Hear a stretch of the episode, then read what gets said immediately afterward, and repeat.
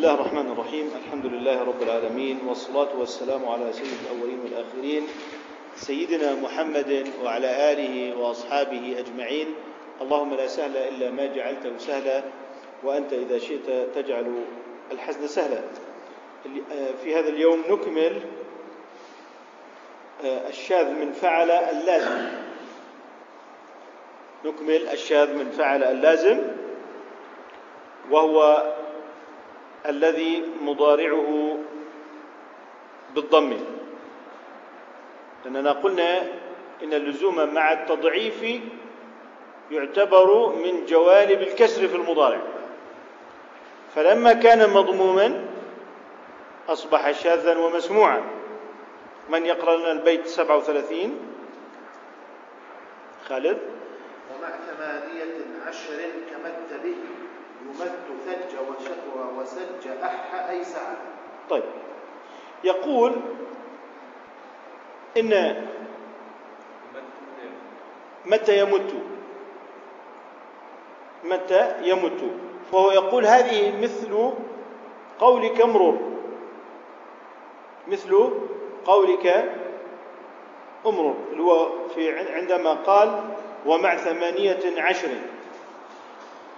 فتقول متى يمت مع أنه لازم المفترض فيه يمت. وكذلك ثج ثج الماء ثجا.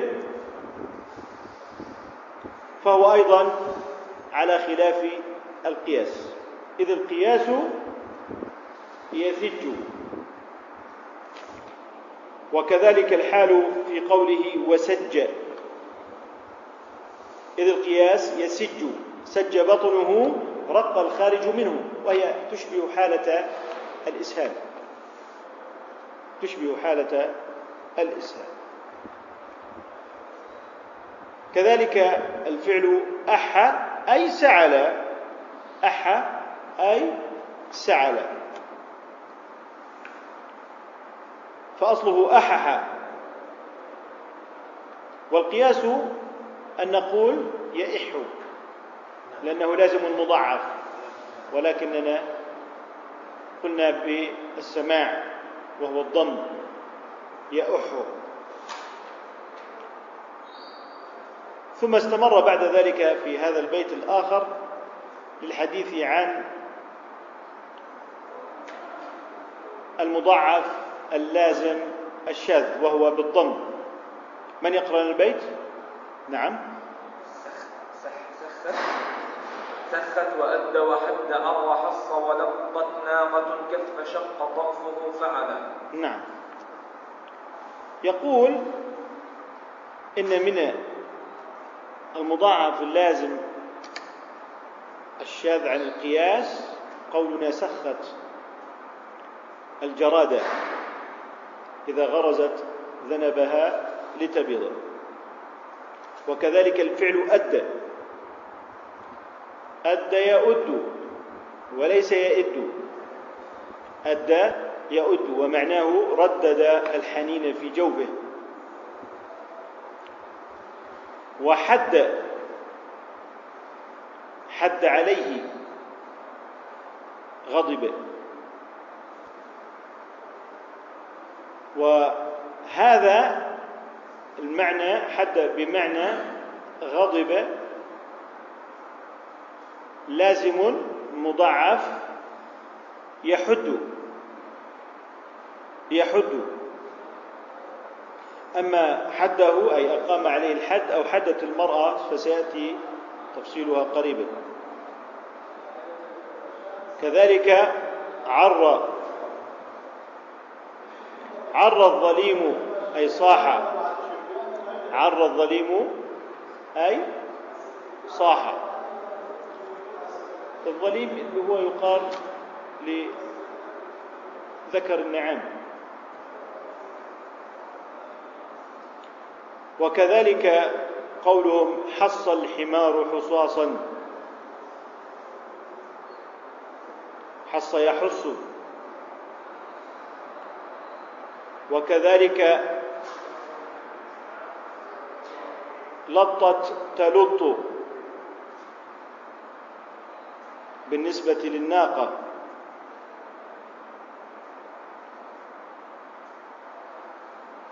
وكف يكف بمعنى عمي. كلها على السماع بالضم. شق طرفه أي نظر إلى الشيء لا يرتد إليه طرفه. شق يشق.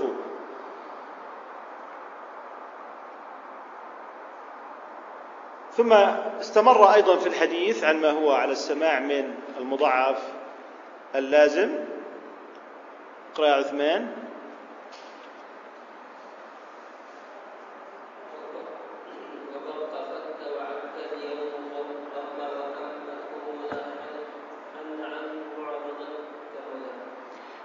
إذا يتكلم هنا عن الفعل بقى. بقى يبق. بقا وبقاقا بالضم أي أكثر الكلام فهو بقاق. فهو بقاق. يقال لكثير الكلام بقاق. كذلك فك. فك يفكك يفك الشيخ إذا هرم أما إذا قلنا يفك الأسيرة فهذا ليس من هذا الباب لأنه متعدي ونحن نتحدث عن المضاعف اللازم. كذلك الحال في قولهم وعك اليوم أي اشتد حره. وعك اليوم أي اشتد حره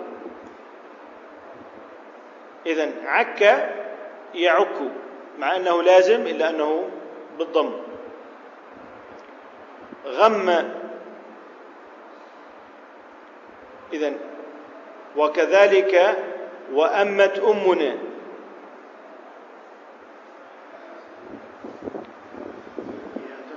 صارت أما صارت أما. نعم. وغم يغم أيضا. نعم.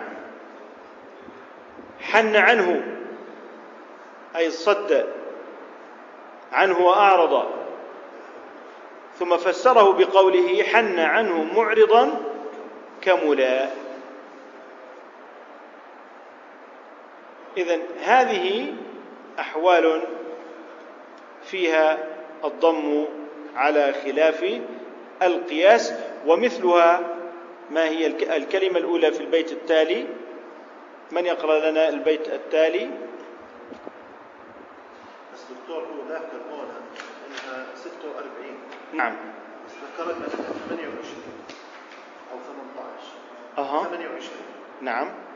طب باقي الكلمات. ما من الوجهين مثلا لا ممكن 46 مجمل. الأفعال. أشوف صفحة 43 أها. فصلها الشيخان وقد ذكر الناظم منها 28 اولها بس أها. طب الباقي لا هو ممكن ثمانية عشر لما قال ومع ثمانية عشر. آه. أي ثمانية عشر. هم زادوا عليه. أها. الحضرمي استدرك اللي هو ما هو باللون الأخضر. بالضبط بالضبط نعم. وسخت وأدى وحدى هذه زيادته زيادة زيادة بعض خرجت عن ال 28 جميعا وابن زين وما ذكره ابن زين ممكن تتأكد من العد وتخبرني. إنه نشوف هل العد كامل أم لا. واظنه سيكون كاملا إنما يكون هناك في ممكن مقياس أو معيار العد أدخل م- ابن زين مع بحرق أو هل بحرق يعني يعده مستقلا وهكذا. البيت الأربعين. من يقرأ البيت الأربعين؟ نعم. قست كذا وعي وجهي صد أثى وخر الصلب حدث الصلد. الصلب حدث وثر تجد من عمل قست هذه في بداية البيت الأربعين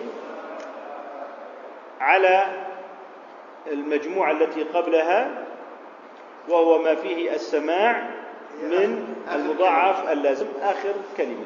نعم. هي الكلمة الأخيرة. ثم بدأ يتحدث عن المضاعف اللازم الذي له وجهان. نعم. القياس والسماع. القياس والسماع. فقال وعي وجهي صد أثر. إلى آخر البيت. فهنا يقول صد اللازم صد عنه. ويصد عنه ويصد عنه. ومنه قوله تعالى في اللازم بالضم رأيت المنافقين يصدون بالضم يصدون عنك صدودا وكذلك ورد بالكسر ومنه قوله تعالى إذا قومك منه يصدون.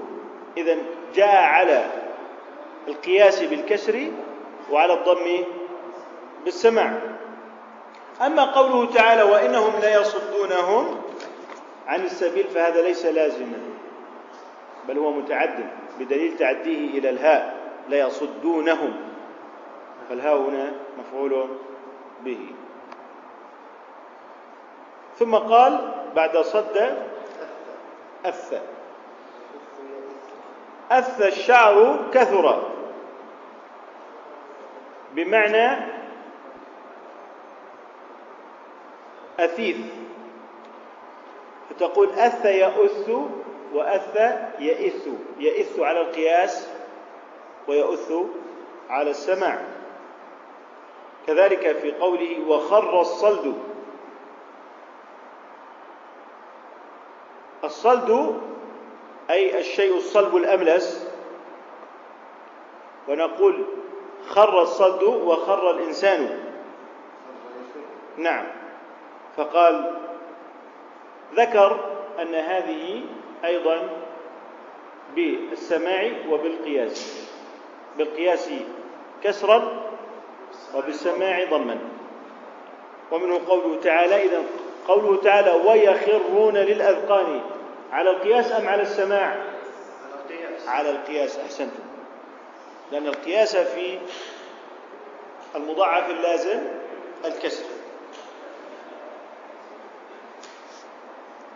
حدت حدت المرأة حدا وحدادا أي تركت الزينة أي تركت الزينة.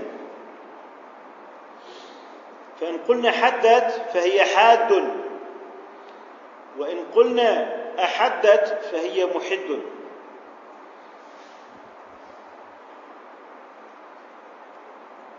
فالمرأة نقول حدت تحد وحدت تحد. حدت تحد وحدت تحد. وكذلك الحال في قولهم وثرت. ثرت العين بالبكاء. والناقة باللبن. وثرت الطعنة أي كثر الخارج منها من دم وغيره.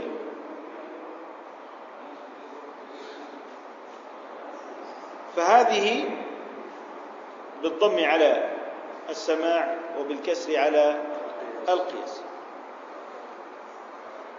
جد من عمل. في قولنا جد من عمل الفعل جدد جاد وأجد مجد. إذا قصد عمله بهمة أما إذا قلنا جد هنا جد في العمل يجد في العمل ويجد في العمل. لكن جدت الثمرة عن الشجرة فهو يجد فقط بالضم لأنه متعدد. فيه التعدي فقط. حدد هو الجد من عمل الجد ثم قال جد من عمل. ليبعدنا عن جد بمعنى قطع الثمر. البيت واحد الواحد والأربعين. أيضا في استمرار للحديث عما فيه الوجهان. اقرأ ترت وطرت ودرت جم شب حق حصار. نن عن فح عن. عن فحت. فحت. فحت وشذ شح أي بخيل. نعم. ترت فيها وجهان. وطرت كذلك. طرت اليد وترت اليد. إذا بانت عند القطع. إذا بانت يعني انفصلت عن الجسد عند القطع وكذلك النواة عند الرضخ. أما بمعنى ترها أي أبانها فهي معداة. ونحن لا نتحدث عن المتعدي بل نتحدث عن المضاعف اللازم. قال ودرت الناقة والمزنة درا. كذلك بالوجهين القياس بالكسر والسماع بالضم. جم الفعل جم الماء جموما كثر.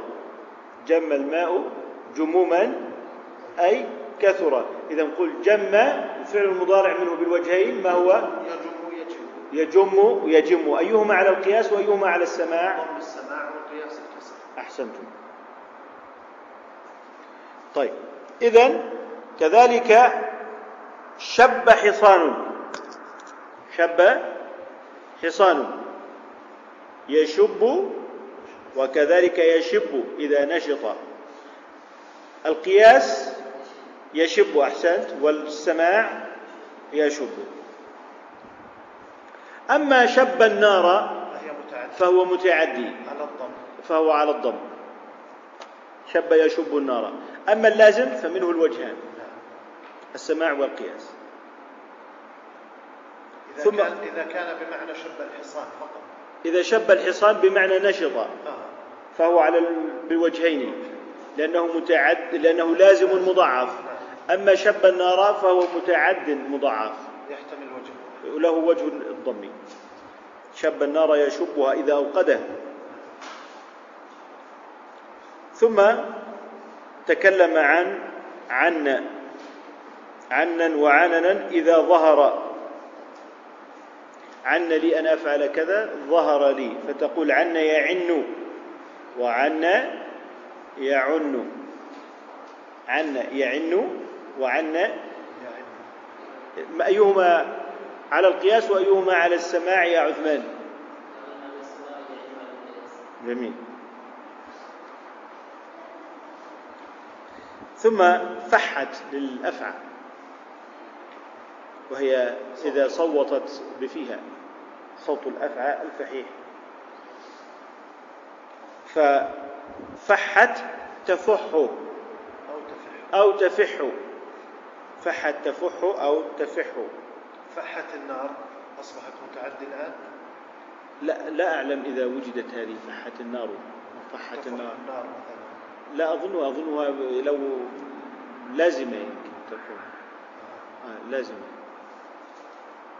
فحت النار لازمة لا يوجد مفعول. صوت النار ما هو؟ لها أنواع للصوت ليس لها صوت واحد. مش منها الفحيح. اللي هو الحديث الصحيح عن النبي صلى الله عليه وسلم أبردوا بالحر فإن شدة الحر من فيح. فأظن ربما تكون الفيح أو تحتاج إلى مراجعة هذه. تحتاج إلى مراجعة. هل هل هي من فحح ولا من فيح؟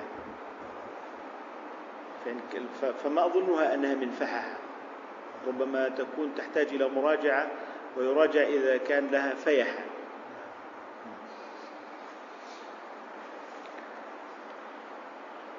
وشذ شح أي بخل. نعم. ثم قال أي انفرد. لك أن تقول شذ يشذ. وشذ يشذ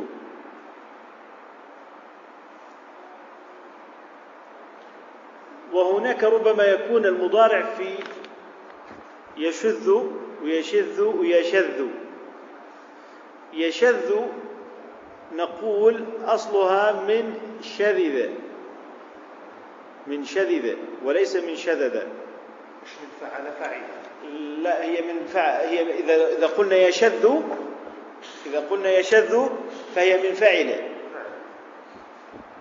أما إذا قلنا يشذ ويشذ فهي من فعل شذ. يشذ بالضم على السماع ويشذ على القياس. إذا نقول مثلثة. نقول مثلثة الذال. يشذ ويشذ ويشذ. شح أي بخل. شح يشح وشح يشح. وربما تأتي كذلك من شحح من باب فرح فتصبح مثل شذ. فما قلناه في شذ من التثليث نقوله في شح من التثليث فتكون شذ من باب فعل فيها يشذ على السماع. ويشذ على أما يشذ أما يشذ, يشذ قلنا هي من فعل. من فعل طيب وما قلناه في شذ يشذ وشذ يشذ وشذ يشذ نقول في شح يشح يشح على يشح على السماع. يشح على القياس من القياس. شح نعم. ويشح على أما يشح على الفعل شحح من باب فرح شحح يشح وشح يشح على السماع من فعل وشح يشح على القياس من فعل أيضا ثم انتقل إلى البيت الذي يليه. عليكم. نعود إلى البيت التالي. تفضل. ومثل صد بوجهيه ثمانية عرت وشت وأز والقدر حين غلا. نعم. هذا تابع. هذا تابع. وإضافة لأن بوجه للحضرمي هذا بحرق. هذا بحرق الحضرمي بالأخضر. يستدرك بعض الأفعال ويقول إنها مثل إنها مثل صد فهي بالوجهين أحدهما على السماع والثاني على القياس المضموم على السماع والمقصور على القياس. فيقول ومثل صد أي كما قلنا في صد هناك يصد ويصد. نقول هنا في بعض الأفعال كقولهم عرت عرت الإبل إذا تقوبت أي تقشر الجلد منها تقشر جلدها. اذا عرت تعر وتعر. وكذلك شت بمعنى تفرق شت بمعنى تفرق فهو شتيت. تقول شت يشت وشت يشت. ثم تكلم عن أزيز القدر. تقول أز القدر يؤز وأز يئز. الضم على القياس أم على السماع؟ ضم السماع. على السماع. والقياس هو ماذا؟ طيب.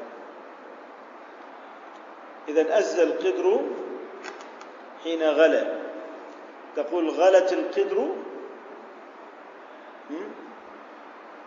غلت القدر. ولا تقول غليت.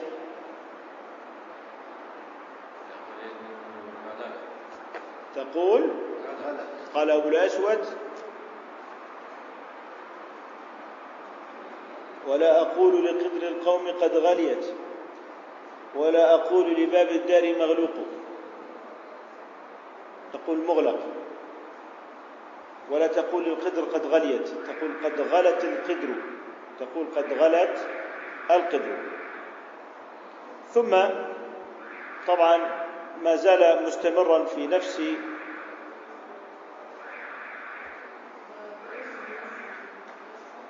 أز القدر يأز. لا هذه تدفعه بمعنى تدفعه أز هنا هنا لازم؟ هناك متعدي. ففرق في المعنى. ننتقل إلى البيت الذي بعده. نعم.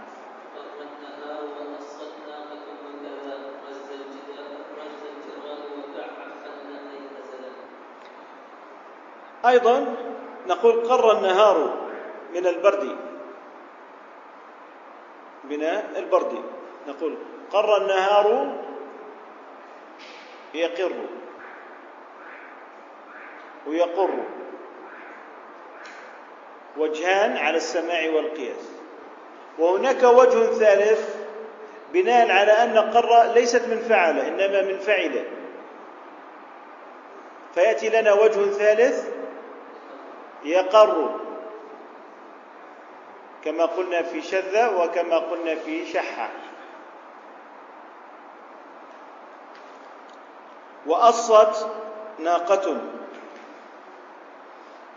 أصت الناقة أي اشتد لحمها وسمنت. تأص وتأص وكذا رز الجراد. وكذا رز الجراد. رزت الجرادة أي غرزت ذنبها لتبيض. وكع.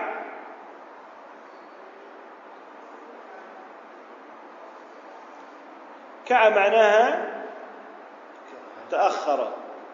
وأنت عندما يقترب الطفل من شيء ربما يضره تقول له كع أي تأخر.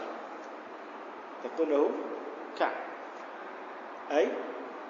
إذا تقول كع يكع على القياس ويكع بالضم على السماع. خلى أي هزل. خلى جسمه أي هزل جسمه. بمعنى هزل جسمه. هزل جسمه. هزل ممكن أن نقول من صفات السجايا بمعنى هو أصبح آه، أصبح هازلا من كثرة الهزل. وعلى أية حال هناك توسع ربما يكون توسع في الاستخدام وتوسع في الكلام.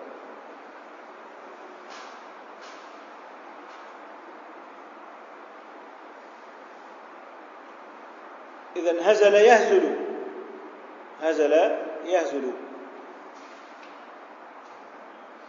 إذا هنا انتهى كلام بحرق. والآن نرجع إلى كلام ابن مالك في البيت الرابع والأربعين. نعم. وشطت الدار نس الشيء حر نهار والمضارع من فعلت. من فعلت من فعلت إن جعل. نعم. هنا يقول وشطت الدار. وشطت الدار. شطت تشط وتشط. إذا بعدت. وهو دكتور ليش ما استدرك يعني؟ بعد ما أنهى ذكر ابن مالك مثلا وهو ذكر الاستدراك. نعم. هذا السؤال يدلك العجز على المبرر لماذا بحرق. وابن زين سبقا هذا البيت في استدراكاتهم. لأن عجز البيت قال فيه والمضارع من فعلت إن جعل عينا له الواو أو لمن دخل في موضوع جديد.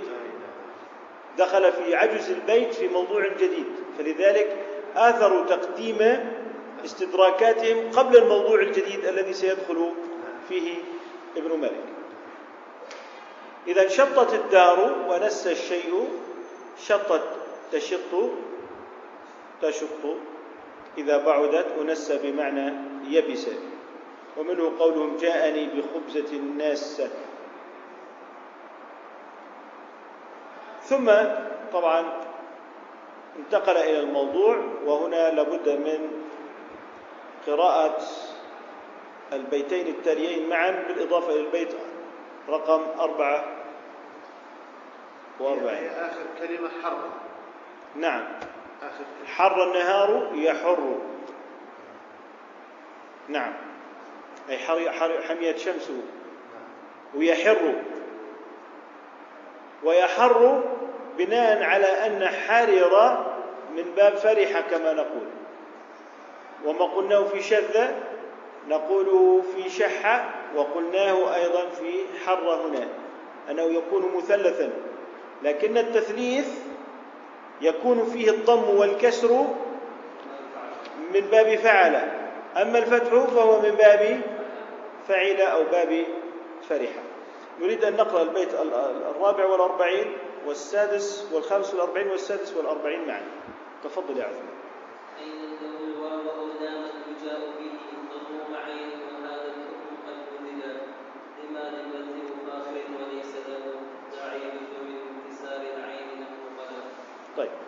الآن هو يتكلم قال والمضارع من فعلت إن جعل عينا له الواو أو لاما يجاء به مضموم عين. يتحدث هنا عن جوانب الضم في فعل فقال من جوانب الضم في المضارع من الفعل فعل أن تكون الواو عينا. أو الواو لاما. أي أن تكون الواو عينا في الفعل أو لاما. وهذا الحكم قد بذل لما لبث مفاخر البث في المفاخرة. شاعرني فشعرته إذا أنا أشعره أي أغلبه في الشعر. فاخرني ففخرته إذا أنا أفخره. إذا أنا أفخره أي أغلبه في المفاخرة. صارعني فصرعته إذا أنا أصرعه. إذا أصبح لدينا في باب فعل جوانب الضم أربعة. إذا كان حرف الواو عينا في الفعل أو لاما ثنتان أو البذ في المفاخرة أو المضاعف المتعدي. جوانب الضم ثلاثة. إذا كانت الواو عينا في الفعل أو كانت الواو لاما فيه أو كان الفعل مضاعفا متعديا أو كان للبذ في المفاخرة أو كان للبذ في المفاخرة على النحو الذي ذكرناه. فله وجه واحد. نعم. نقول مثال على ما عينه واو. ساء يسوء. لأن المصدر السوء إذن هي واوية. ساء يسوء. هنا ينوء. واضح؟ هذه أمثلة على نعم. إذن كذلك إذا كانت الواو لاما كدعا يدعو. دعا يدعو ورغى يرغو. فالواو هنا في لام الفعل. إذا هذه هذان أو هذه الجوالب جلبت لنا الضم. أن يك أن تكون عينه واوا أو أن تكون لامه واوا.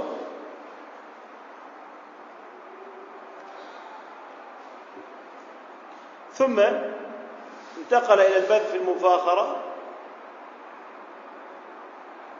اللي هو شعرني فشعرته إذا أنا أشعره. فاخرني ففاخرته إذا أنا أفخره أي أغلبه في المفاخرة.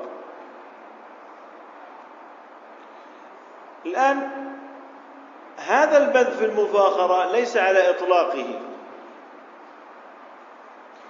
البذ في المفاخرة إذا جاءه ما يغلب فيه جانب الكسر فنكسر.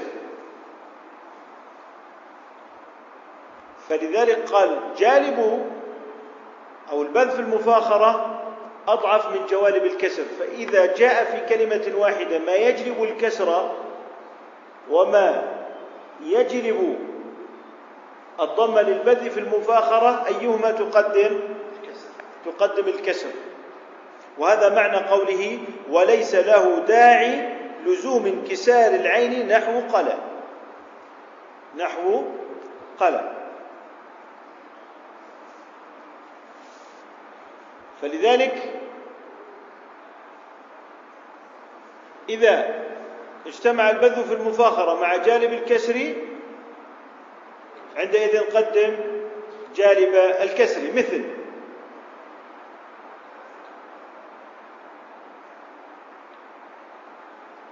مثلا أقليه من المباعدة ومنه قوله تعالى ما ودعك ما ودعك ربك وما قلى فتقول فأنا أقليه ولا تقول أنا أقلوه. تقول أنا أقليه لأنه يائي اللام ونحن نعلم أن الفعل إذا كانت لامه ياء فإن هذا يجلب الكسر فهنا جاء جانب الكسر لأن لامه يائية وهناك ما يجلب الضم وهو البذ في في البعد. البذ في البعد. فقال هنا أقليه وغلب جانب الكسر. مثلا وعدني فواعدته فأنا أعده أي أغلبه في الوعد. فكلها إذا جاء جانب الكسر وجاء معه جانب الضم من البذ في المفاخرة تقدم عندئذ جانب الكسر فهو يغلب مثل بكيته فبكيته. أي غلبته في البكاء. وكنت أبكى منه. فبكى يأي اللمي فالبذ في المفاخرة يقتضي أنك تضم وكونها يائية اللام يقتضي أن تكسر. فغلبت جانب الكسر. فقلت فأنا أبكيه ولم تقل فأنا أبكوه. واضح؟ قلت فأنا أبكيه ولم تقل فأنا أبكوه.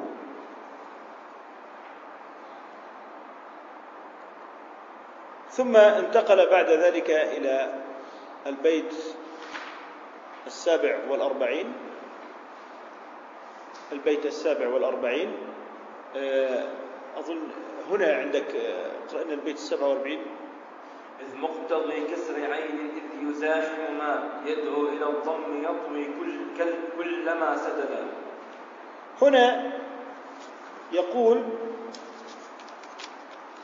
ما يقتضي إذ مقتضي كسر عين إذ يزاحم يدعو إلى الضم يطوي كلما سدد يؤكد على أن القاعدة كسر العين من الفعل إذا كان الجانب للكسر وأن جانب الكسر يغلب جانب الضم في البذ في المفاخرة. فكسر العين جوانب الكسر قلنا أن تكون فاؤه واوا أو تكون عينه ياء أو لامه ياء أو التضعيف مع اللزوم. أما ما يدعو إلى الضم فهو أمران أو أربعة أمور. إذا كانت عينه واوا كنا ينوء. أو كانت لامه واوا كدعا يدعو. وكذلك التعدي مع التضعيف كمد يمد. والبذ في المفاخرة. البذ في المفاخرة كشاعرني فأنا أشعره فيقول يطوي كلما سدل أي يغلب الضم. خذ مثالا. الفعل شوى واوي العين. الفعل شوى واوي العين. ويائي اللام وكونه واوي العين يعني ذلك أن تضم العين في المضارع. وكونه يائي اللام أن تضم أن تكسر العين في المضارع. فاجتمع جانبان. جانب الضم وهو أنه واوي العين. وجانب الكسر وهو أنه يائي اللام. أيهما نغلب جانب الكسر. فتقول في شوى يشوي. غلبنا جانب الكسر مع وجود جانب الضم وهو كونه واوي العين. لا تقول يشوو إلا إذا كانوا طبعا من الجماعة. لكن في عين الفعل يشوي كسرنا هي الواو عين الفعل. ومثلها كذلك نوى. أصلها نويا الياء في لام الفعل تجلب الكسر والواو في عين الفعل تجلب الضم. نغلب جانب الكسر فنكسر الفعل. البيت الثامن والأربعين. البيت الثامن والأربعين نعم. وكف جانب غيره وامنعه وامنعه الآن يتكلم عن جانب الفتح.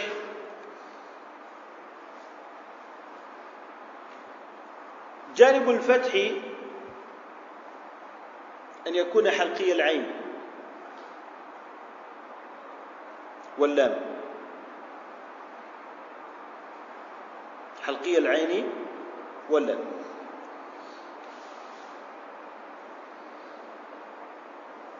الآن بالفعل دعا يدعو.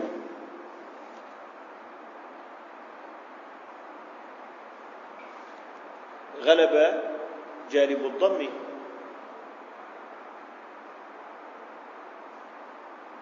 وناء ينوء أيضا غلب جانب الضم لأنه واوي العين.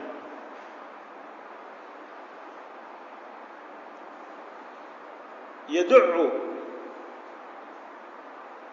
كذلك غلب جانب الضم. وهكذا. إذا هو يقول كف جانب فتح. إذا اجتمع جانب الفتح مع جانب الضم فإنك تكف جانب الفتح وتقدم جانب الضم. يعني مثلا فتح حلقية اللام. جانب الفتح فيها أنها حلقية اللام. على سبيل المثال. دعا حلقية اللام. عفوا دعا يرحمكم الله. دعا حلقية العين. حلقية العين.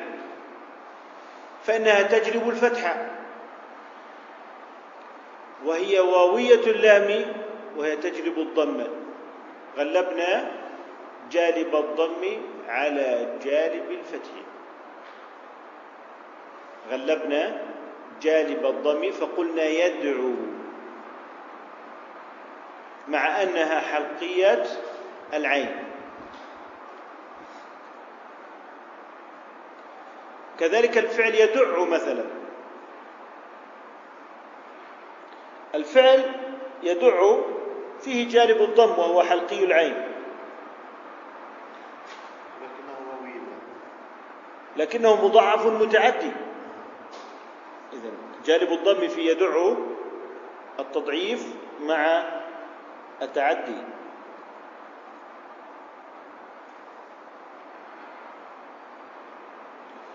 كذلك الفعل كع كع فيه جانبان.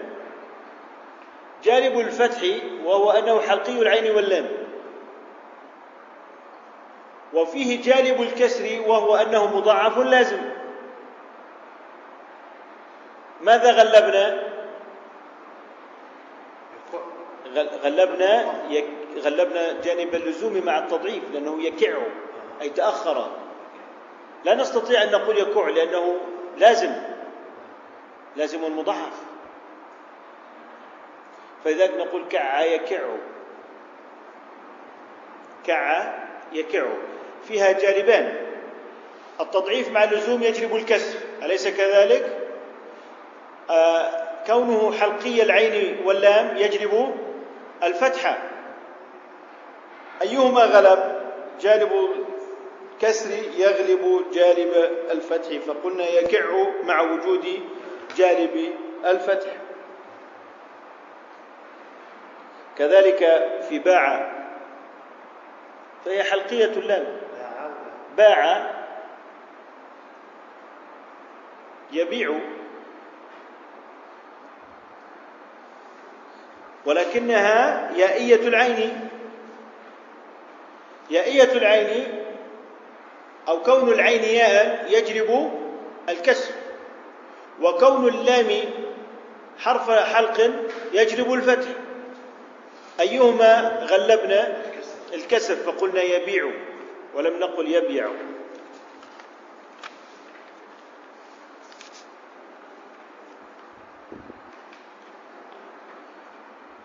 نكمل البيت التاسع والأربعين. عثمان إلا شذوذا وإلا لا إلا ما كضع وسعى والفتح ما لم يكن بالشهرة خللا نعم. هذه القواعد التي ذكرناها فيها شذوذ. إلا شذوذا وإلا ما كضع وسع انظر إلى هذه الحالات التي يغلب فيها جانب الفتح جانب الكسر. الفعل وضع. الفعل وضع. فائي الواو وعفوا واوي الفاء. واوي الفاء. وعد يعد وقف يقف. إذا كان الفعل إذا كان الفعل في فائه واوا إذا فهو الكسر. إذا ما كان واوي الفاء فإن حقه الكسر. فإن حقه الكسر. كوقف يقف وعاد يعد طب إذا جئنا إلى وضع ما مضارع وضع؟ يضع. شذوذ. إذا وضع يضع هنا على سبيل الشذوذ. لأن القياس أن يكسر. إذا اجتمع جانب الفتح وهو حلقي العين واللام واجتمع مع جانب الكسر كأن يكون وهو المثال الذي بين أيدينا كأن يكون آه، واوي الفاء. اجتمع جانب الكسر وهو كونه واوي الفاء. واجتمع جانب الف- جانب الفتح وهو كونه حقي العين. فقال وضع يضع. وضع يضع. كذلك الفعل سعى. كذلك الفعل سعى ما مضارعه؟ يسعى. ما لامه؟ ياء أم واو. أم ماذا؟ ياء سعى. ياء ياء لام سعة هي الياء. لام سعة هي إيه؟ الياء.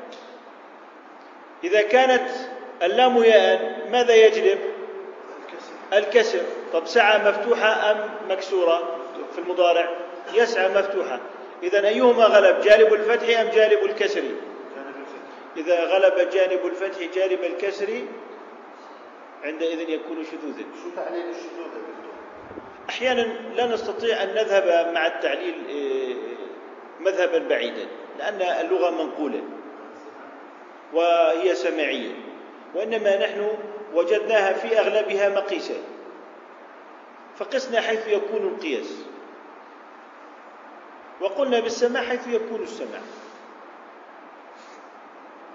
وحتى ما نتوقعه ونعلله أحيانا يكون من من باب التنظير والتوقع لأن واضع اللغة لم يخبرنا بأنه فعل كذا من أجل كذا. لم يخبرنا بذلك. لم يخبرنا لماذا رفع الفاعل. وكما قلنا إن أكثر الحركات في اللغة هي الفتحة لأنها الأسهل. واضع اللغة لم, اللغة لم يخبرنا بذلك. إنما نحن مثلنا كما يقول بعض النحاة كمثل رجل دخل دارا جميلة فبدأ يعلل فيقول باني البيت وضع الباب من هنا ليدخل الهواء والشباك من هنا ليدخل الضوء. وهكذا يعلل بحسب ما يتراءى له. وقد أو ربما لا يكون هذا حقيقة في نفس الأمر.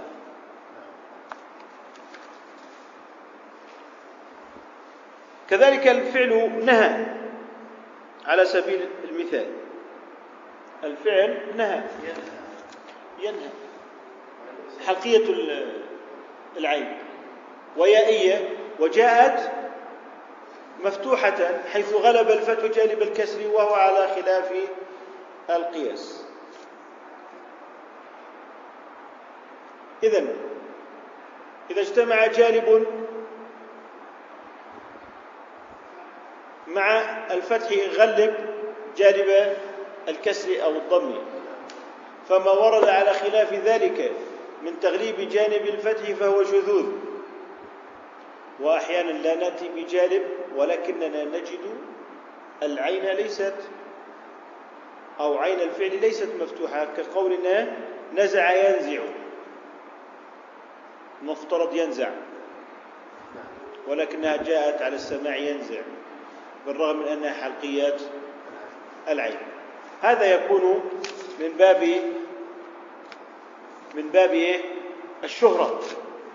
من باب الشهرة. إذا يكف جانب الفتح إلا ما ورد شذوذا في ذلك. ونعده من باب الشذ ما ورد مما يجب فتح العين فيه ولا جانب من جوانب الكسر ولا الضم كقولنا نزع ينزع دخل يدخل دخل يدخل لا يوجد جوانب ضم ولا يوجد جوانب كسر مع أن جانب الفتح موجود وهو حلقي العين ولكننا وجدناها مضمومة نقول هذا جانب الشهرة. هذا تغليب لجانب الشهرة. إذا يكف جانب الفتح في حالتين. إذا جاءت جوانب أخرى معه أو الشهرة. أو الشهرة. ثم في البيت خمسين. البيت الخمسين. عن كسرة وكما عن شذ. عن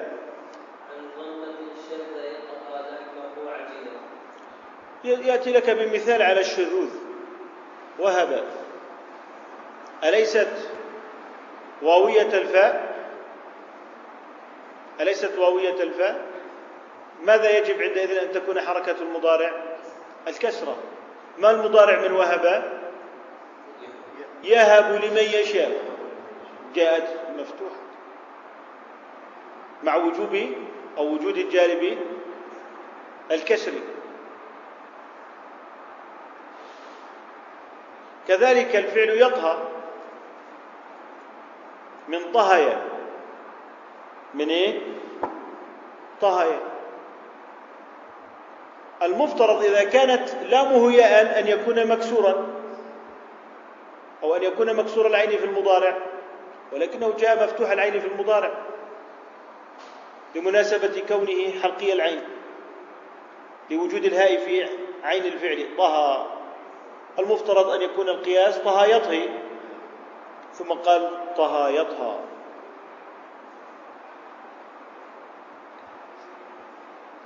إذا جاء يطهى.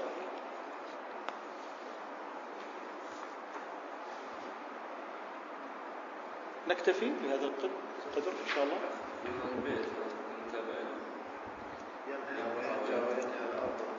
طيب نقرأه. طيب تفضل. يمحى وينجى وينحى الأرض. يمحى وينحى. يمحى وينحى وينحى الأرض. ثم تقل يصغى ويضحى وفيها قياسها نقل وفيها قيسها. قيسها نقل نعم. إذا عندك يمحى من محيا يمحى من محيا فالأصل يمحي. فالأصل إيه؟ يمحي. وكذلك ينحى هو قصده ينحى ببصره إليه أي يرده إليه. فعندنا في هذه الأفعال. إذا قلت يمحي من محيا محيا غلبت جانب الكسر لأن الياء هنا أو لأن لام الفعل ياء. تقول يمحي. لكن لو قلت يمحى فقد غلبت جانب الفتح وهو أنه حلقي العين. فعين فحرفه الذي هو محل العين حرف الحاء وهو حلقي. إذا هذه الحالات نغلب شذوذا جانب الفتح على جانب الكسر فتقول يمحي قد غلبت جانب الكسر. وهو القياس. قلت يمحى صحيحة كما قلنا في سعى يسعى ألم نقل في سعى يسعى شذوذ.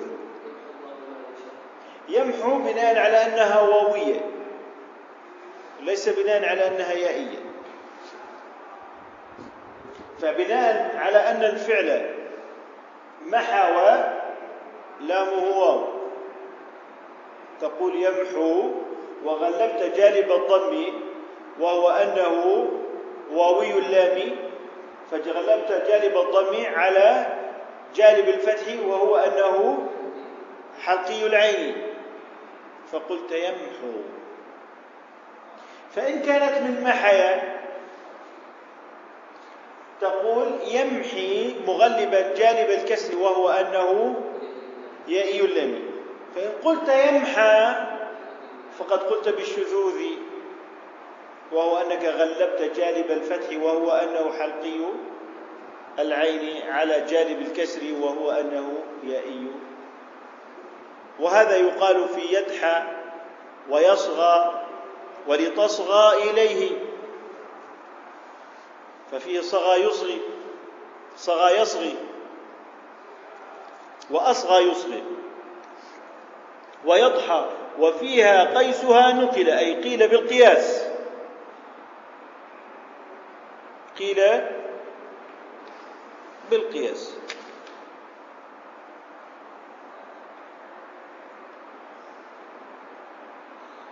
طبعا البيت التالي اللي هو البيت الثاني والخمسين فيما يتعلق بالبذ بالمفاخرة من يقرأ لنا البيت الثاني والخمسين؟ خالد. وفتح ما حرف حلق غير أوله عن الكسائي في ذا النوع قد حصل. الكسائي قلنا إن الجمهور يقولون إن البذ في المفاخرة من جوانب الضم. إن البذ في المفاخرة من جوانب الضم. ولكن الكسائي لم يقل بذلك. أنك تفتح شعرني فشعرته فأنا أشعره بفتح العين. هذا كلام الكسائي خلافا للجمهور. أن البذ في المفاخرة لا يجلب الضمة. أن البذ في المفاخرة لا يجلب الضمة وإنما قدم جانب الفتح الذي هو كونه حلقي العين. سبحانك اللهم وبحمدك نشهد أن لا إله إلا أنت نستغفرك ونتوب إليك.